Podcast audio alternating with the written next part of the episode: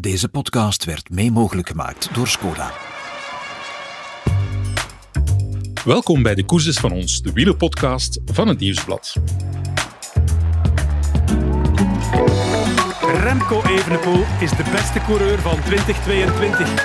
Remco Evenepoel a 22 ans, champion du monde Belgium have it. Belgium have it.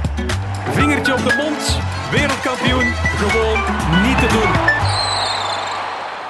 Dit is onze WK-voorbeschouwing. Het WK wielrennen in Glasgow staat voor de deur van 3 tot 13 augustus. En het is een speciaal WK, een super WK. Dat wil zeggen dat alle wielerdisciplines aan bod zullen komen uh, tussen 3 en 13 augustus. Wij gaan ons in deze voorbeschouwing vooral focussen op uh, elite mannen wegrit en tijdrit en elite vrouwen weg en tijdrit.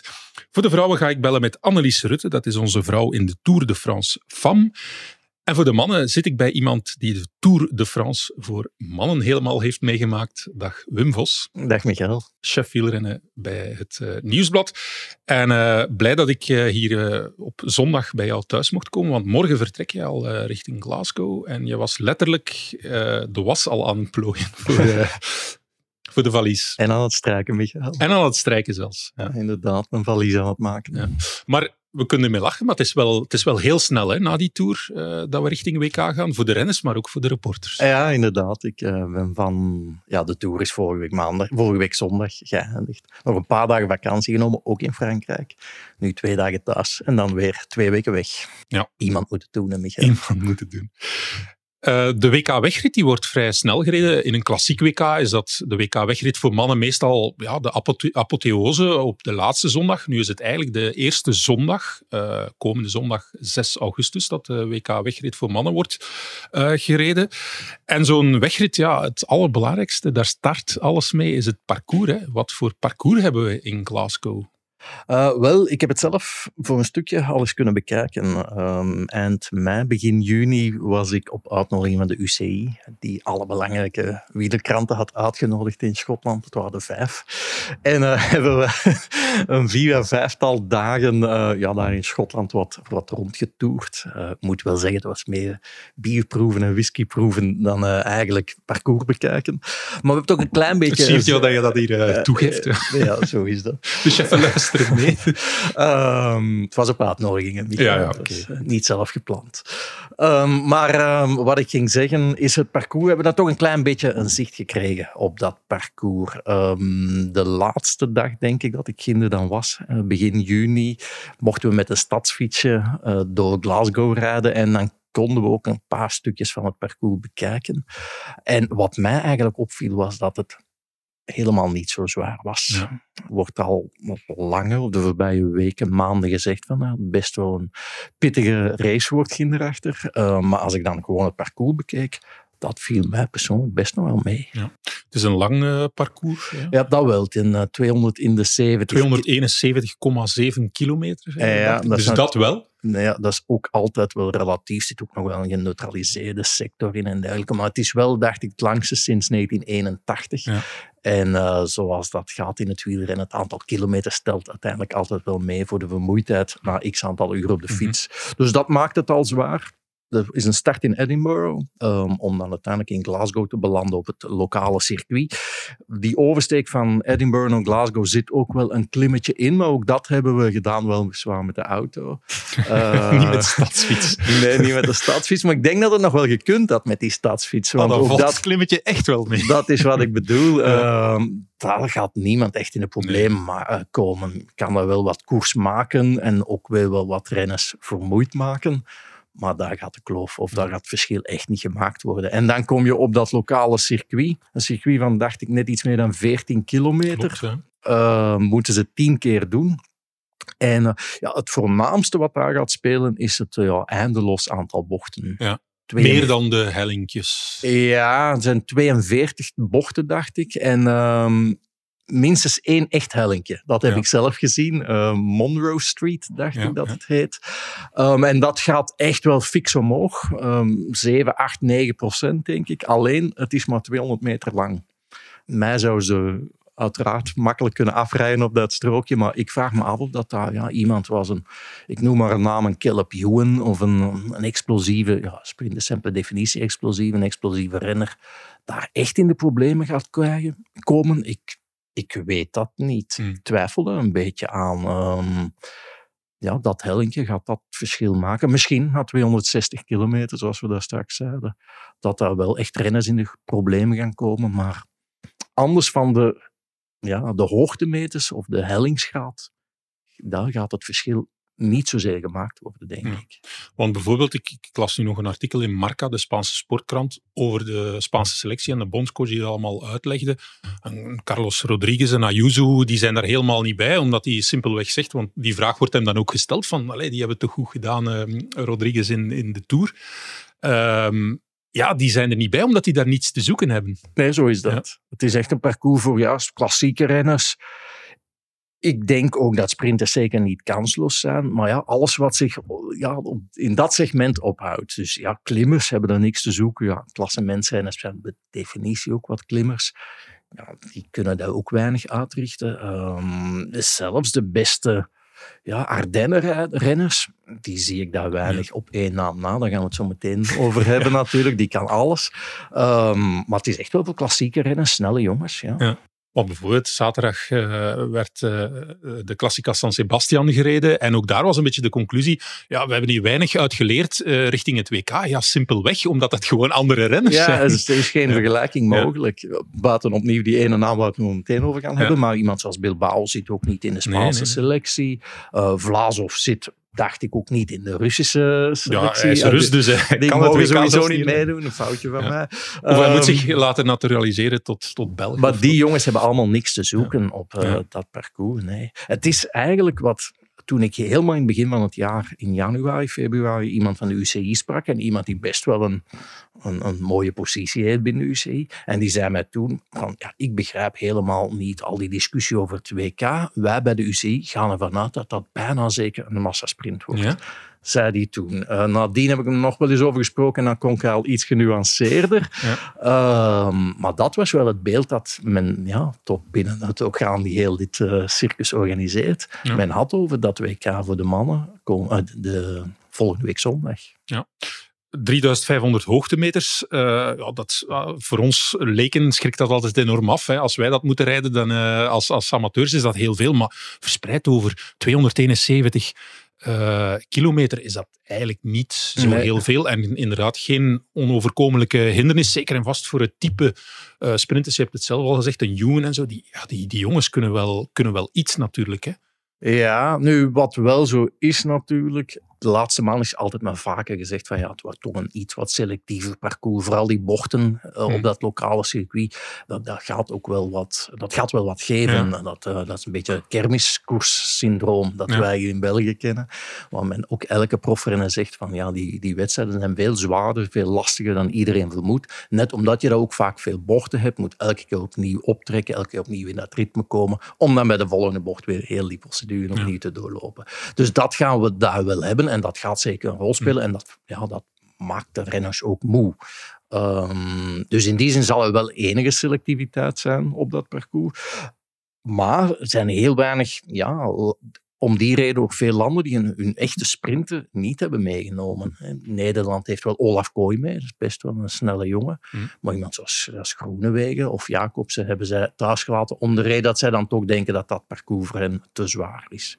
Maar anderzijds zie je dan wel, Australië neemt wel Caleb Ewan mee, heeft ook nog Michael Matthews, ook niet traag. Um, wat ik zeg, bij Nederland Olaf Kooi, ik denk dat ze die toch ook gaan achter de hand houden voor mocht het tot een sprint komen met een grote of heel grote groep. Ja, dat zijn wel jongens die ik niet helemaal kansloos acht. Geen sport waarin clichés zo goed gedijen als in het wielrennen. En een van de clichés is, je hebt het parcours, maar het zijn natuurlijk de renners hè, en de ploegen in dit geval ook, die de koers maken.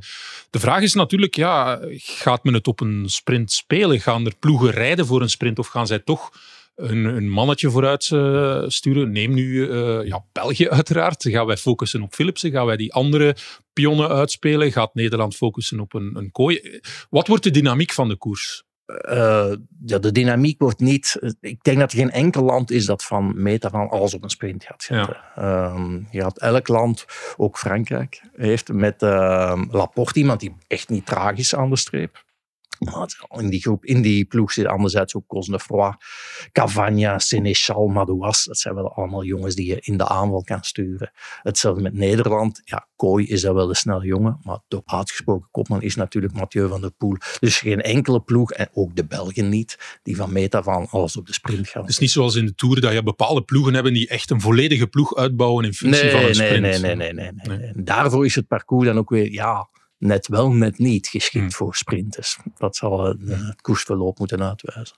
Anderzijds maakte hij ook de opmerking voor het in, in Wollongong vorig jaar, waar het veel zwaarder was en waar uiteraard de ploegen ook niet voor een sprint gereden hebben. Ja, als je even een poel daar wegdenkt, dan is het bijna een, een, een sprintuitkomst van die koers ja, geworden. Hè? dat is zo. Dat is ook een beetje mijn persoonlijke ervaring. Met van, met Van Aert. Ja, Als, als journalist is, is dat WK's vaak toch net iets minder zwaar uitvallen dan ze worden aangekondigd. En dan neem dan Wollongong. Evenepoel stak dan met kop en schouders boven iedereen uit. Maar achter Evenepoel, zoals je net zegt, is dat wel gespurt met een groep van net geen 30 man, dacht ik.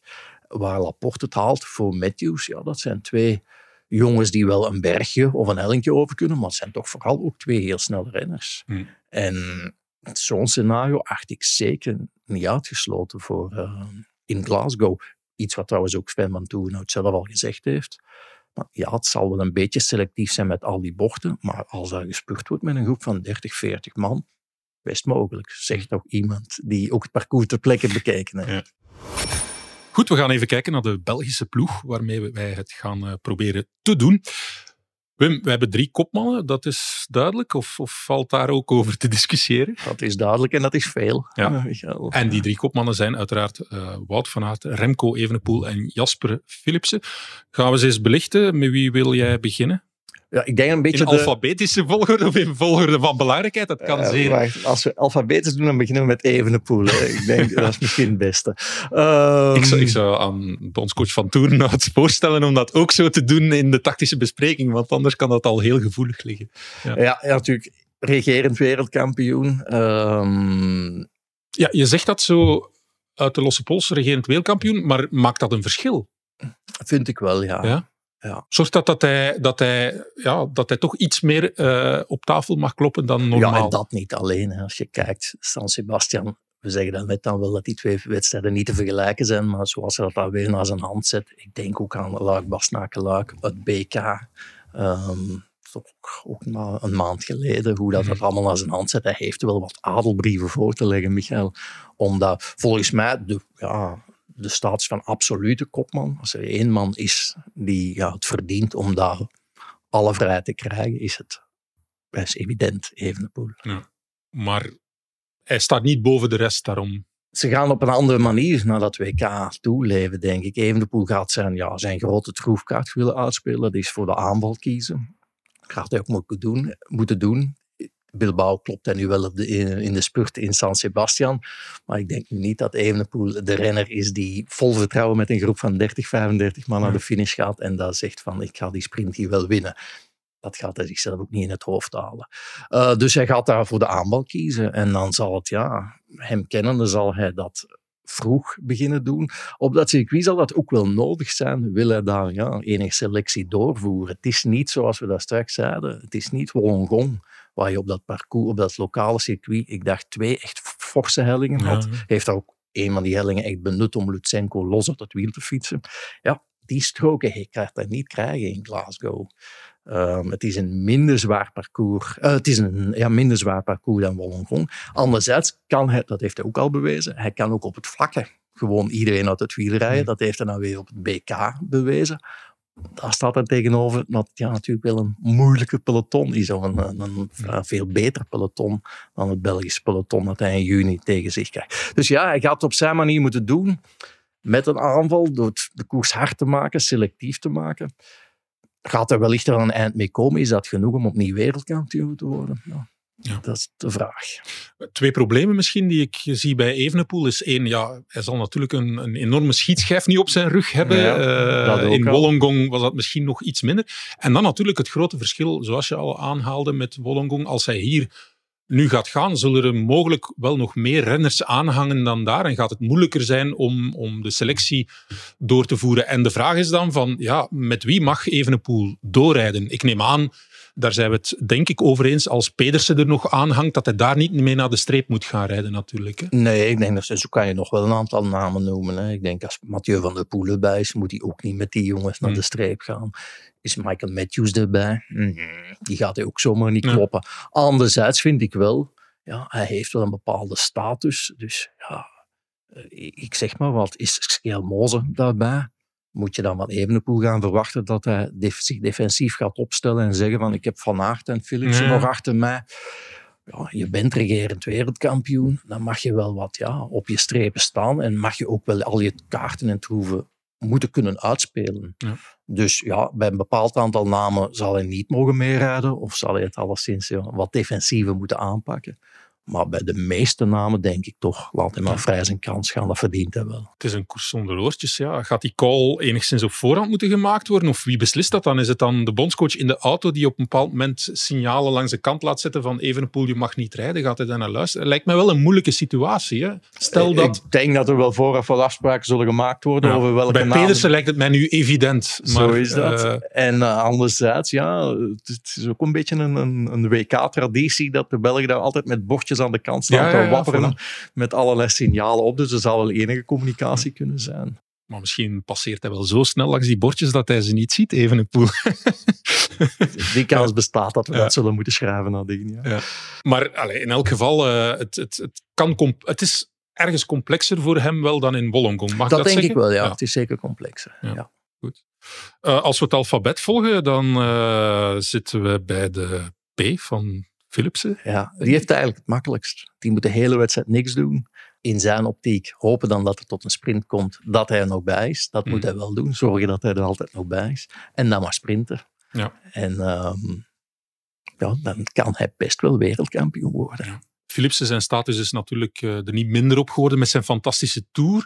Nu, wat we hebben het erover gehad eh, in, in de voorbereiding. Ik heb het nog eens opgezocht. Hij zal morgen maandag dan eh, zijn vijfde criterium rijden. Ja, dat heeft mij wel Dat wel verbaasd. veel, want ik sprak Sven van toen uit de bondscoach eind juni. En eh, het ging toen over, ja, met welke renners ga je dan eh, naar het WK? Ga je kiezen voor jongens die uit de Tour komen? En dan zei hij duidelijk van, ja, ik ga inderdaad volop kiezen voor jongens die uit de Tour komen, wat hij ook gedaan heeft. Maar wel met duidelijke afspraken dat ze zich ja, een beetje gedijst houden, rustig fit houden tussen Tour en WK. En hij zei toen letterlijk van, ja, ze zullen wel één of misschien twee criteriums mogen rijden.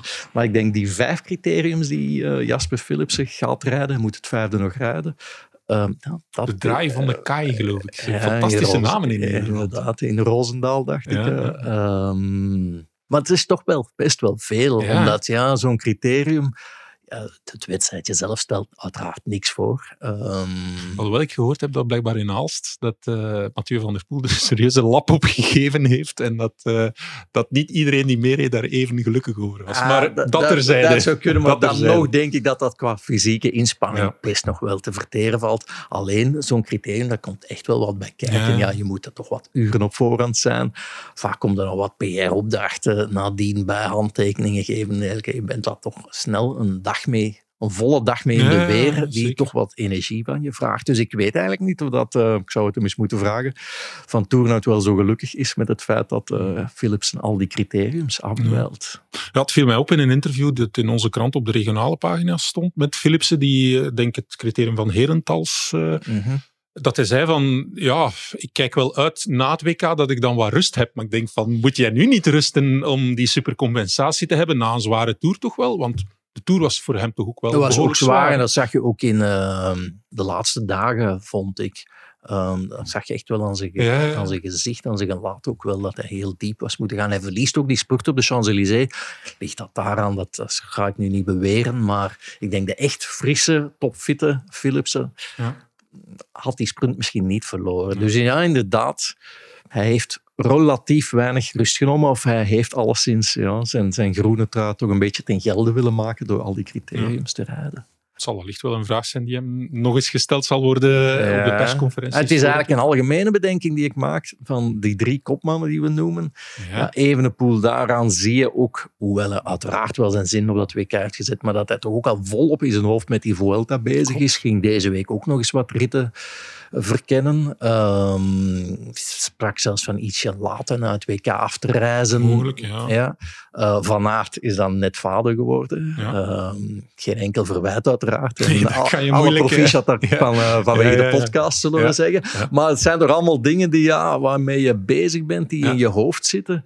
Ja, op een tiental dagen ehm, of minder voor een WK. Ja. echt ideaal, denk ik, dat een bondscoach dat nog allemaal niet kan Hm. vinden. Ja, want er was enerzijds natuurlijk de Tour. Hè, daar kan je niets aan doen. Dat programma is wat het is. Je hebt Tour en dan ja, twee weken tot, eh, tot het WK. Dat is één. Maar hoe je die twee weken dan invult, Ja. dat is dan ook nog eens een, een vrije keuze. En voor elk valt er natuurlijk wel iets te zeggen. Ehm, uiteraard, ja, Wout, eh, Wout eh, is misschien wel degene die, die het meest eh, daarin eh, vrij te pleiten is, zal ik maar zeggen. Eh, de- de- als je vader wordt. Ja, het is wel een opvallend verschil, want bijvoorbeeld de Nederlandse bondscoach heeft Ja. zijn kopman, Van de Poel komt uiteraard wel uit de Tour, Dylan van Baarle ook uit de Tour, dan nog Pascal Eco, maar voor de rest heeft hij zijn andere vijf knechten, zal ik het dan noemen. Mhm. Die het zijn allemaal heel doelbewust jongens gekozen die niet de Tour reden. Omdat hij vond van ja, dan kunnen ze zich specifiek op dat WK voorbereiden. Die Tour zit dan niet in de weg, ze gaan frisser, ze gaan fitter zijn. Ja, dat is wel echt een verschil met wat wij bij de Belgen doen dan, is echt voor, voluit kiezen voor jongens die allemaal de Tour gereden hebben. Onze collega Jan-Pieter die zegt altijd van de geschiedenis wordt geschreven door de winnaars, dus we zullen Zo achteraf is dat. dan... En het is ook niet de eerste keer dat België en Nederland is een, een totaal andere tactiek of aanpak Ja. hanteren. Want ik herinner me, ik denk het meest succesvolle WK voor de Belgen in 1990. Met als winnaar uh, Michael Oeh, uh, Rudy Danes ah, ja, voor uh, Dirk de Wolf. Dus goud en zilver voor de Belgen. En toen de Nederlands was in Japan, dat WK. En de Nederlanders hadden het toen voor geopteerd. was zo'n soort van ja, vernieuwende fysionomische aanpak. Ze gingen pas echt op het allerlaatste moment naar Japan invliegen, daar op hun fiets stappen en onmiddellijk het WK rijden. Waren toen nog ploegen van 12 renners en 11 van de 12 uh, Nederlanders hebben opgegeven onderweg. is echt één, Ja. één, één, één Nederlander, Breukink, die de, dat WK heeft uitgereden Ja. op een anonieme 43ste plaats Ja. of zo. Terwijl de Belgen met hun totaal andere aanpak daar goud en zilver pakten. Dus 1-0 qua eh, België-Nederland qua aanpak. Ja, als eh, Jasper Philipsen wereldkampioen wordt, dan zal blijken dat die criteriumsrijden dat het allerbeste was wat hij kon doen als voorbereiding op de WK. Zo werkt het natuurlijk. Hè. Ja. Misschien heeft Philipsen ook dan wel te weinig jus in de benen om achter Van der Poel te rijden, Wim. Ah, die vraag. Ja. ja. Leg eens even uit waarom ik dat grapje maak. Ja, ik zat erbij op het moment dat Philipsen de, die, de uitspraak heeft gedaan van ja, ik ga niet achter Van de Poel rijden. Voilà, in de Tour was dat, hè, op de Ja, rustdag. in de Tour. Dat was natuurlijk net nadat uh, Van de Poel hem toen al, denk ik, aan twee of drie ritzegens had geholpen als lead-out. Ze hadden samen op een persconferentie. Op een gegeven moment werd het onderwerp WK aangesneden. Ik denk zelfs nog door mezelf, waarop een Nederlander op inpikte van ja, en ben je dan eventueel bereid achter Van de Poel aan te gaan, uh, aan te rijden op een WK? Waarop Philipsen heel eerlijk en onmiddellijk en ongedwongen zei van nee, daar, daar is geen sprake van dat ik dat ooit ga doen. Ik ga en dat was iets, natuurlijk de, ga hem nooit iets in de weg leggen. Hè? Ja, en dan krijg je natuurlijk de vraag van ja, mag je dat zeggen als Belg, dat je niet achter een Nederlander gaat aanrijden, want een WK is met een Belgische ploeg en de, ploeg, de courante merkenploegenbelangen zouden niet mogen spelen en dergelijke. Nu, achteraf bekeken is dat eigenlijk een non-discussie, denk ik, omdat ik kan me werkelijk geen enkel scenario voorstellen waarin van Philips zo gaat verwacht worden op, in Glasgow dat hij achter Van de Poel aanrijdt. Als dat wel zo is, ja, dan hebben de Belgen wel een ander probleem, want dat zou ergens willen zeggen dat al hun knechten opgesoupeerd zijn. Zelfs dat Van Aert en Evenepoel ja, ergens verloren moet ja. gereden zijn in Glasgow, denk ik. Want als je spurter, je spurter met name Philipsen, achter een, ja, de kopman van een andere ploeg aan moet rijden, dan klopt het. Is iets grondig heel Ja, ja. Dus zo relatief is het wel. Het is niet zoals bijvoorbeeld eh, Dries Devenijns, die, achter, die niet achter zijn goede vriend en ploegmakker um, uh, Julien Alaphilippe wilde rijden. Ja, daar kan je dat ergens begrijpen, omdat dat de rol is waarin Devenijns meegaat natuurlijk. Hij moet gaten dichtrijden, maar hier is het bijna... Het is een, een soort van theoretische voilà. bespiegeling die meer zegt over ja, hoe toch ook een beetje naar die WK's gekeken wordt vanuit ploegen. Ja, dat, dat is dan... Maar het concrete geval gaat zich eigenlijk, kan zich bijna niet voordoen. We praten hier nu een half uur over de koers, eh, over het WK, Michael. Ook dat hebben we al lang geleerd. Alles wat we nu vertellen, het gaat, het gaat een heel ander scenario eh, gebeuren. Vooral verder luisteren, beste luisteraar. Maar wij zijn natuurlijk, wij Ja, houden een beetje dus van de loopt altijd anders dan je denkt, maar Ja. dit heel specifiek concreet, Ja, wel, nee, ik kan me echt niet voorstellen. Ik kan Philips het me bijna ook niet voorstellen. Ik, ik denk ook dat het, dat het een ja, soort van theoretische bespiegeling is. Die Maar wat wel eerlijk is, is hoe dat eh, zo'n renner als Philipsen op een moment, een beetje een onbewaakt moment, Ja. ja, in volle tourmodus wordt daar een WK, het onderwerp WK aangesneden, aangesneden, hoe dat die ja, heel eerlijk wel Ja, een antwoord mooi, gaf. mooi. Ja, eigenlijk ja. Want stel je hem exact diezelfde vraag over vier dagen, over vijf Ja, dagen op een persconferentie net voor het WK, dan gaat hij dat nooit meer zeggen, omdat hij dan wel weet hoe gevoelig dat ligt. Ja. En dan gaat hij dan ja, met een brede bocht omheen gaan of zo. Maar daar kregen we eigenlijk, eigenlijk wel eens een, een eerlijk oprecht antwoord van een, renner, hoe dat hij tegen zo'n situatie aankijkt. Ja. Dat is wel mooi. En het ligt toch wel ergens gevoelig, want eh bondscoach Sven van Toornaat heeft wel een mail uitgestuurd om dat een beetje te ontmijnen, om te zeggen van kijk, iedereen die geselecteerd zal worden of in Glasgow is, die, die rijdt echt voor de Belgische eh, nationale ploeg. Dus het was toch wel belangrijk om dat nog even te ontmijnen, die situatie, dat dat niet groter zou opinie- worden. Ja, en naar de publieke opinie hè, moet je dat toch duidelijk stellen. Want Belgen rijden voor België en Belgen rijden niet voor Nederlanders. Ja, ja, want dat laatste krijg je echt niet verkocht. We zijn bij de laatste letter van eh, onze kopmannen gekomen, Van Aert, Wout van Aert. Ja, als hij wereldkampioen wordt, dan zal achteraf de roze wolk waarop hij nu zit, met de geboorte van Jérôme, ehm, ja, zal dat eh, de, de, de- het soort van geheim zijn of de, de, de reden waarom hij wereldkampioen geworden is. Hè. Ja, dat is natuurlijk wel het heel specifieke in zijn geval. Los van wat we al ergens eh, aangehaald hebben. Ja, de, de, de, de moeilijkheid van hem ook eh, tactisch in die ploeg. Ja, ik vind dat hij echt wel een beetje een probleem heeft voor de renner die hij is momenteel. Enerzijds gaat hij als ja, vanuit kan het in de aanval doen, in Hmm. principe. Alleen gaat hij daar een beetje de voorrang moeten geven aan Evenepoel. Een man Ja, die ja. ja, nog beter in de aanval is, ehm, die ja, ook die wereldkampioen is, dus die daar ja, best wel wat status heeft. Anderzijds, als je dan kijkt naar vorig jaar Wollongong, zat ook Evenepoel in die rol van aanvallen. Zou hij toen teruggepakt zijn? Ja, konden we altijd terugvallen op Van. Aert in de sprint met een grote groep. En hadden we nog altijd een kopman om om een troefkaart om daar uit te spelen. Maar die kaart is hij ook kwijt. Want die zit nu bij Philipsen. Komt het tot een spurt? Ja, Philipsen heeft dat ook bewezen in de Tour. Is gewoon sneller dan Van Aert op dit moment. Dus ja, Van Aert zit daar ergens tussen wal en schip, in mijn ogen. Wal Evenepoel, schip Philipsen. En dat is toch niet zo'n handige situatie. Hij gaat ergens ja, mee moeten gaan in een aanval, in de hoop dat hij dan niet achter Evenepoel aan moet grijden. En hij kan niet wachten op de sprint, want daar heeft hij ook een concurrent in eigen ploeg. Dat is toch niet zo makkelijk. Hoe kan hij die puzzel oplossen? Wat is een, een goede manier om daarmee om te gaan? Op mijn persoonlijke mening is, kijk gewoon naar Mathieu van der Poel en stem daar eh, Ja. je koers op af. Omdat hij een klein beetje ja, gelijkaardige rol is van de Poel, gaat ook niet willen wachten op een sprint, gaat ook wel ergens voor de aanval kiezen. Ehm, omdat hij ook wel weet dat iemand als Philipsen sneller gaat zijn. Dus ja, glip dan. Je mag ook altijd als vanuit ja, een beetje defensiever zijn als het over Van der Poel gaat. Dus dan heb je nog de mogelijkheid, rij ik mee met Van der Poel als Ja. hij in de aanval gaat? Of ja, ben ik wat defensiever en zeg ik van, hola, ik heb Philipsen nog achter mij. Maar ik denk dat dat ja, misschien wel een manier is om zijn probleem een klein beetje te omzeilen. Dat is, kijk naar wat Van der Poel doet. Ja. En ga met hem mee als hij Ja. iets doet. Kijk, voilà. Wout van Aert, als je luistert. Nee, maar ik vind het, vind het inderdaad een goed idee. Want tegenover Wollongong natuurlijk, daar was het heel duidelijk van... eh Wout van Aert is, is de man, als het samenkomt, En dat is onze man. ja. Maar dat is niet meer het, die- zomaar het geval. die troefkaart is hij kwijt, dus hij moet het op een andere manier doen. Is er een situatie waarin Wout van Aert, ik stel, ik heb ze ook al aan, ehm, aan onze collega Jan Pieter gesteld, maar ik stel ze ook eens aan jou. Is er een situatie waarin Wout van Aert gewoon de sprint aantrekt voor Jasper Philipsen? Kan dat? Dat lijkt me wel, ja. Ja. Als je de laatste ronde zit met, met een groep van 30, 40 renners. Ja. Van Aert en Philipsen zijn er nog bij en het wordt een sprint, ja. Had je dat vorig jaar gezegd, dat Wout van Aert in, op een Maar dat WK is- dat de is- sprint zou aantrekken? Dan zou je zeggen, huh?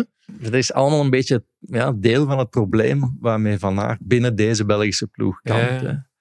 Ehm, maar ja, Van der Poel doet het ook voor Philipsen. Van der Poel is echt niet een minder renner. Hmm. Doet het ook voor Philipsen in de Tour. Dus ja, als je dan die logica doortrekt, waarom zou Van Aert het niet moeten kunnen doen voor ehm Philipsen op een week? Ja. Ja, Wim, naast eh, de Belgische ploeg, wie is eigenlijk het sterkste blok dat misschien zijn voet daarnaast kan zetten?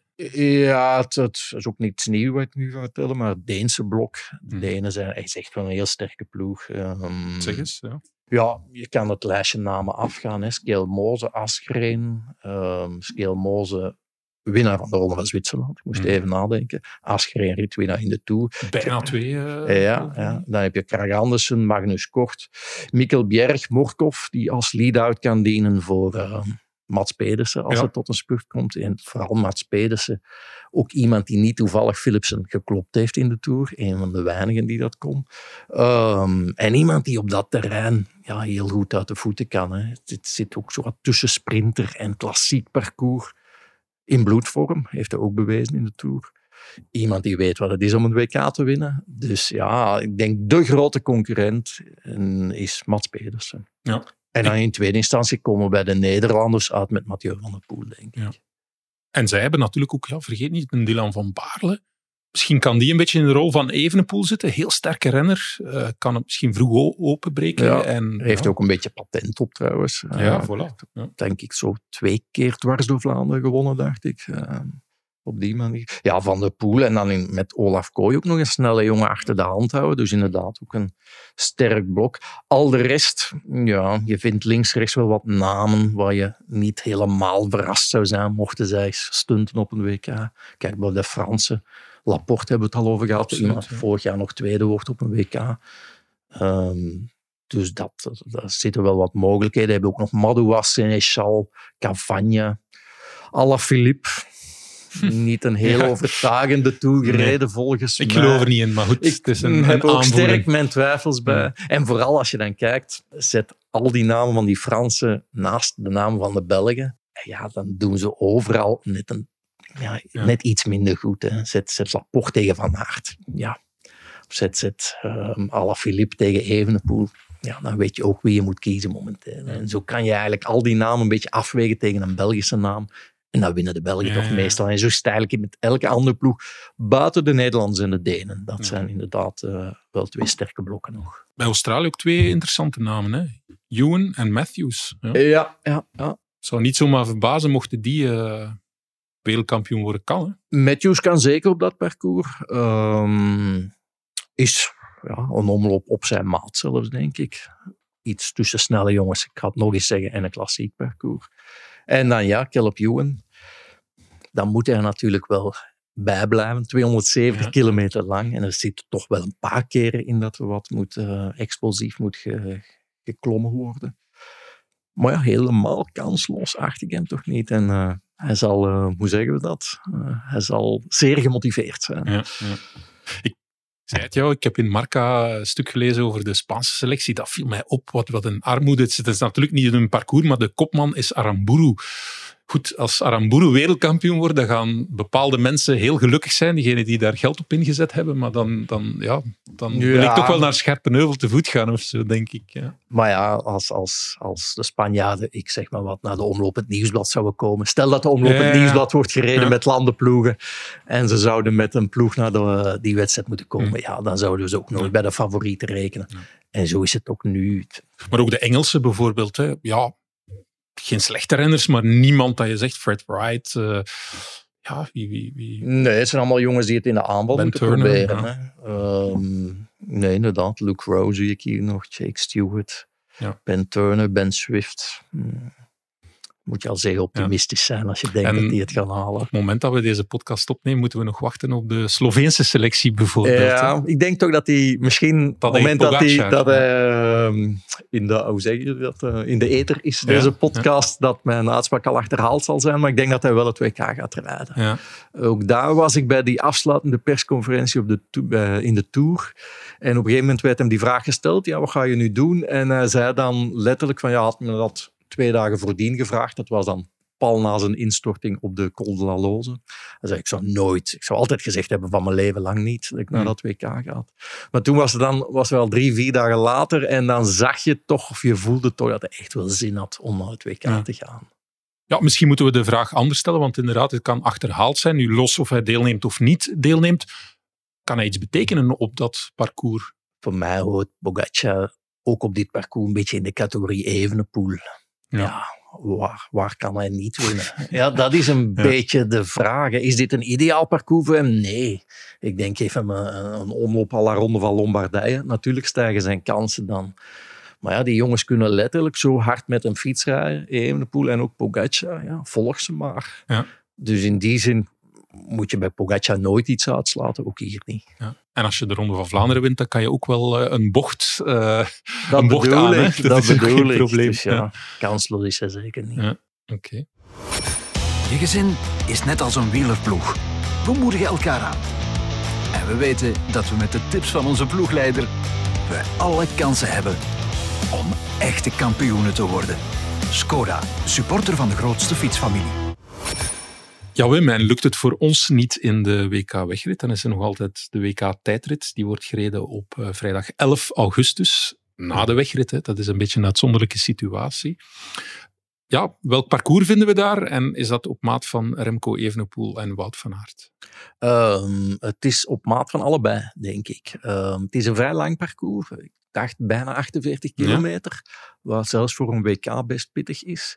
Eh, en het is eigenlijk een beetje onder te verdelen in drie delen. Ehm, de eerste helft van het parcours is nagenoeg één lange rechte baan.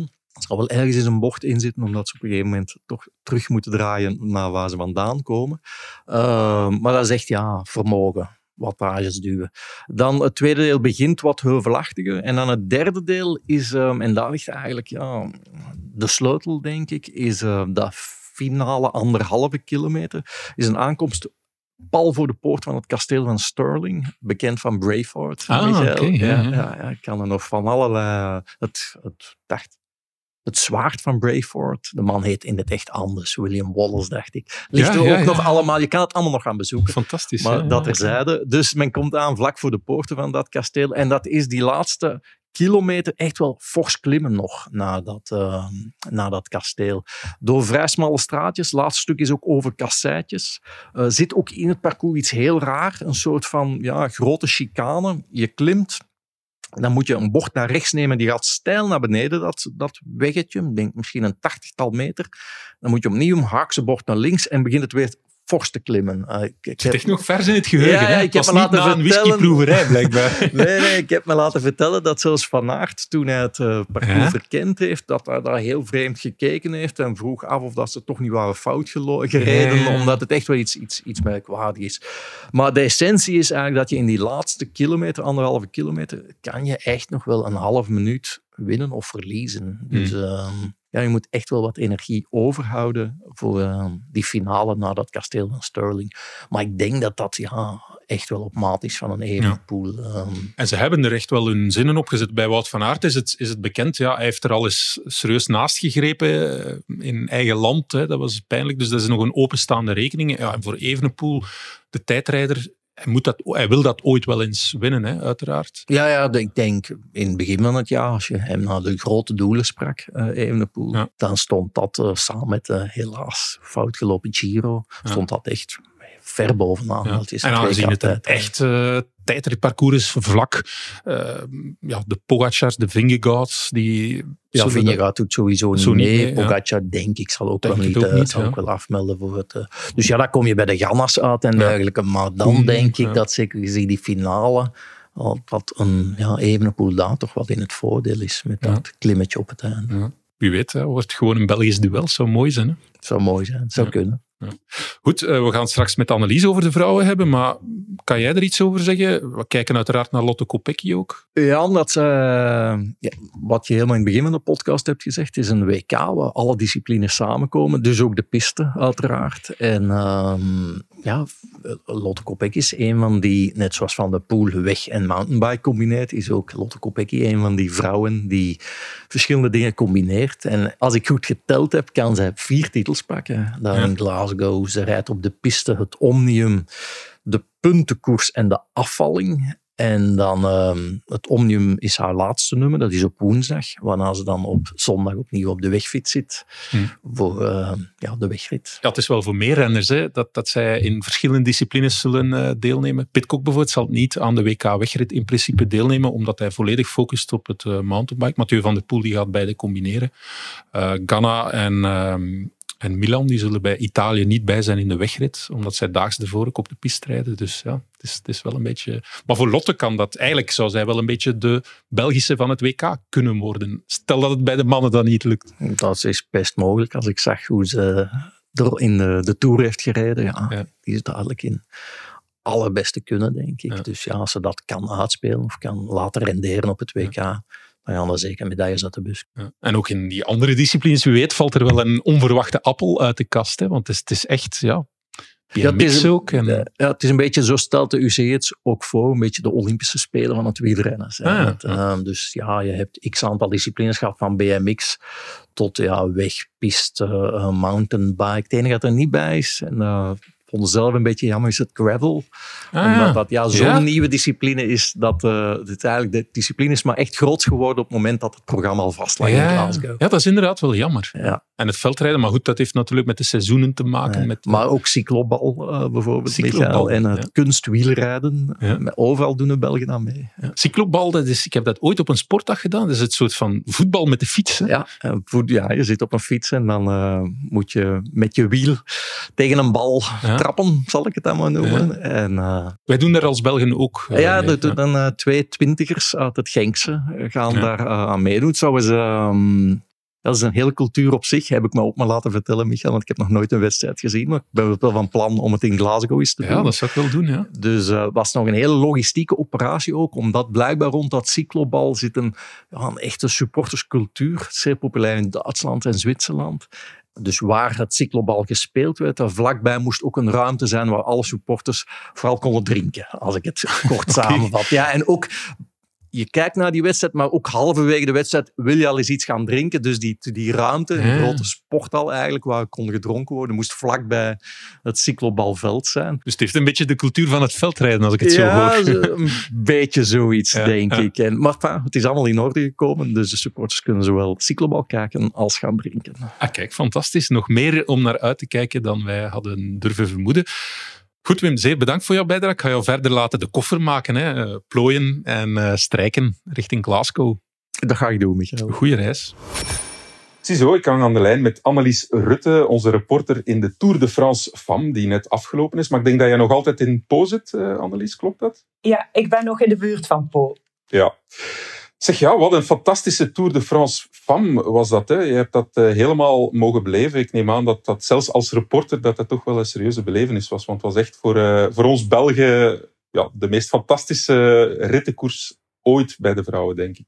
Ja, het was een geweldig spektakel. Ik heb er heel hard van genoten om dit van zo dichtbij te kunnen zien. En natuurlijk, het was eh, niet voorspeld, niet verwacht dat het op deze manier zou lopen. Ja. Maar mooi, hè? Mooi, hè? Ja, want inderdaad, Lotte is zes dagen in het geel, dacht ik. Eh, Ja, Lotte heeft dus vanaf de tweede dag na de eerste rit de gele trui gedragen tot Demi Vollering hem na de Tourmalet heeft overgenomen. En dan een ritwinst. En dan ja, die, die tweede plaats, daar spreekt nu iedereen over. Dat is misschien wel het meest onverwachte en het meest fantastische. eh, dat ze op het podium staat eh, op de tweede plaats, Lotte. Ja, dat begon eh, na de beklimming van de Tourmalet, waar ze natuurlijk heel lang aangeklampt heeft. Veel langer dan iedereen had verwacht. Begon het eh, duidelijk te worden dat ze wel veel kans maakte op het podium. Eh, zaterdagavond werd er gezegd, derde plek. Dat zou fantastisch zijn. Op zondag, eh, de dag van de tijdrit, hoorde ik in de buurt van de, van de bus van SD Works al gonzen dat ze eigenlijk op die tweede plek aan het azen waren. Ja, en kijk, toch? ze heeft het gedaan. Ja, ja. Ja, Dan ja dat komen ze ons natuurlijk niet vertellen. Hè? Ja, heel zachtjes werd dat daar toch gefluisterd, ja. Ja. ja, het was echt... eh, allee, ik zou zeggen, het is een secondespel, maar het ging zelfs over honderdsten van een seconde. Ja, het was een de absoluut, meest eh, spectaculaire. hè.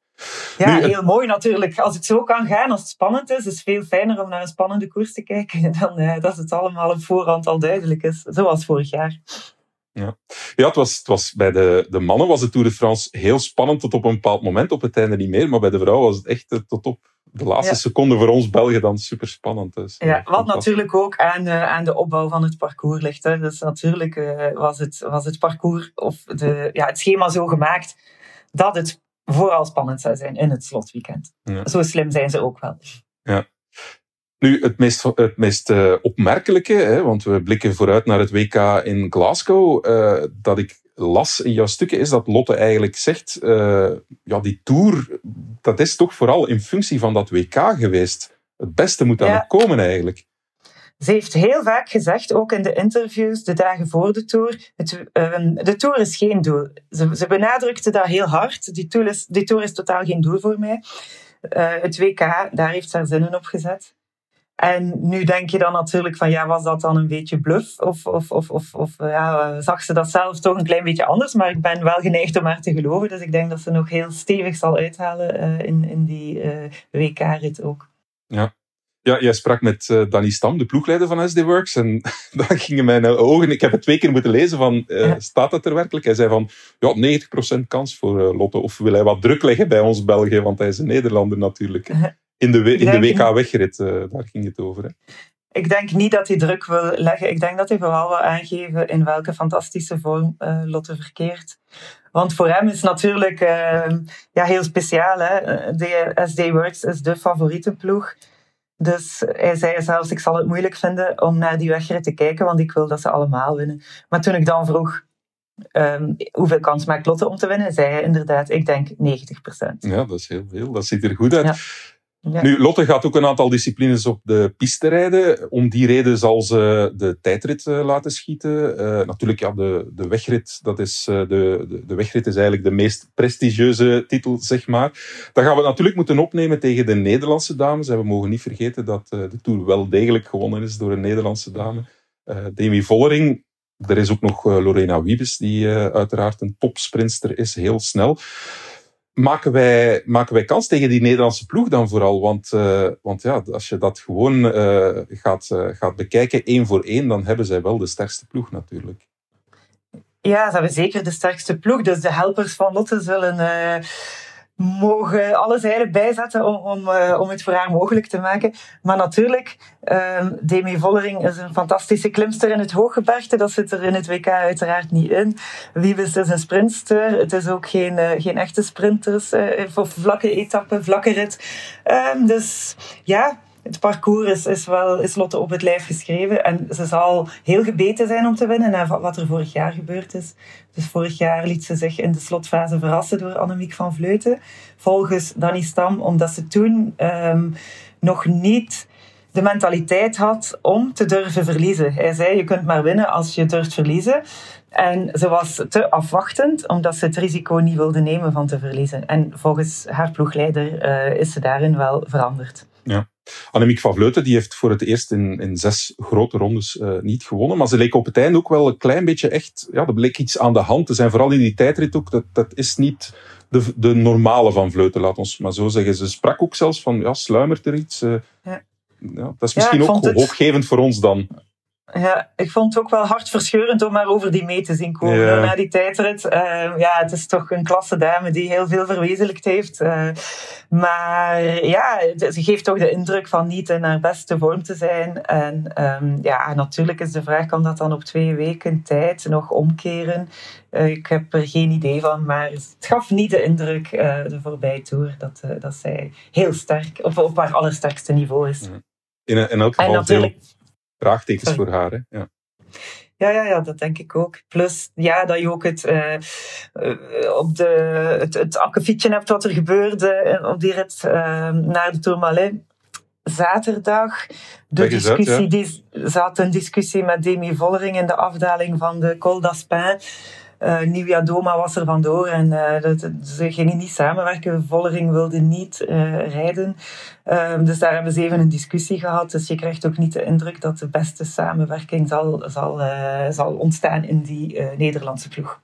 Ja, dat is inderdaad ook wel een beetje het verhaal al van vaak. De Nederlanders zijn de sterkste, maar ja, hoe zit de, de samenhang? Ook daar hebben we signalen, hè, nu weer, dat, dat het toch misschien niet het aller, allerbeste samenwerking is. Nu, ehm, bij, de, bij de Belgen lijkt het me wel goed te zitten. Bijvoorbeeld Julie van der Velde, die gaat nu ook mee naar, het, naar het WK. En als je zag die dynamiek tussen, tussen Lotte en, en Julie van der Velde op het moment dat ze die bolletjes trui pakte. het feit dat Lotte achter Julie van der Velde reed, maar ja, ze namen dat elkaar niet kwalijk. Hè. Dat, dat, ja. In de Belgische ploeg zit het precies wel goed hè, tussen de dames. Denk het ook. Ja, het was ook heel mooi om te merken. Um, Julie van de Velde zei na afloop: de eerste die mij passeerde was Lotte. En ik dacht: allee, Lotte, moet het nu? Uh, maar ze zei: ja, natuurlijk, zij doet ook maar haar job. En Lotte gaf ook zelf aan: oh, ik had het Julie zo, zo hard gegund. Dus ze gunnen elkaar wel veel. En ik weet zeker dat Julie uh, alles gaat doen om Lotte te helpen naar die uh, overwinning. Ja, je krijgt wel het gevoel dat het, uh, dat het een ploeg is. Inderdaad. Voilà. Uh, weet jij iets van wat Lotte nu nog uh, gaat doen? Want ja, het is een beetje feest neem ik aan. Of, of, of is zij echt, zit zij super gefocust en gaat er, gaat er weinig criteriums, weinig feest aan te pas? Gaat, of gaat zij wat rust nemen? Heeft ze daar iets over gezegd? Van ja, hoe het nee, nu... ze, ze, ver, dus, ze vertrekt vandaag maandag al naar het WK. Dus ze vertrekt al naar Glasgow. Ze zou Ah ja, ja. ehm, zondagavond na de Tour wel ehm, meedoen aan een bescheiden feestje. Eventjes vieren. En eh, vanaf maandag was het volle focus op het WK. Dus Wow. zij vertrekt naar Glasgow onmiddellijk. Zij gaat niet Ja. naar huis of zo. eh, Ja, waarschijnlijk inderdaad in functie van de piste, om die piste daar ook wel eh, een beetje Ja. te leren kennen. Maar dat is wel heel straf. Ja. De, ko- de- dus de koffer, gaat ze nog thuis passeren dan? Of? Nee, nee, nee. Dus ik denk dat ze meteen vanuit Frankrijk naar Glasgow vertrekt. Ze gaat Ja. door. Ja, Ja, dus, ja, ja. ja. Er zal natuurlijk misschien wel iemand zijn als ze ergens wat kleren vergeten is, die eh dat naar Glasgow kunnen brengen. Maar dat is wel opmerkelijk, toch? Ja? Dat is opmerkelijk, maar ik denk dat zij eh, inderdaad, zoals ze voor de Tour zei, zodanig graag eh, dit WK wil winnen. Ja. Dat die focus erop voor haar zo belangrijk is. En ze heeft al ja, heel goed laten zien hoe goed ze kan focussen natuurlijk. En je hoort ook altijd, als Lotte iets wil, gaat ze er alles aan doen. Bij deze is het bewezen. Voilà, oké.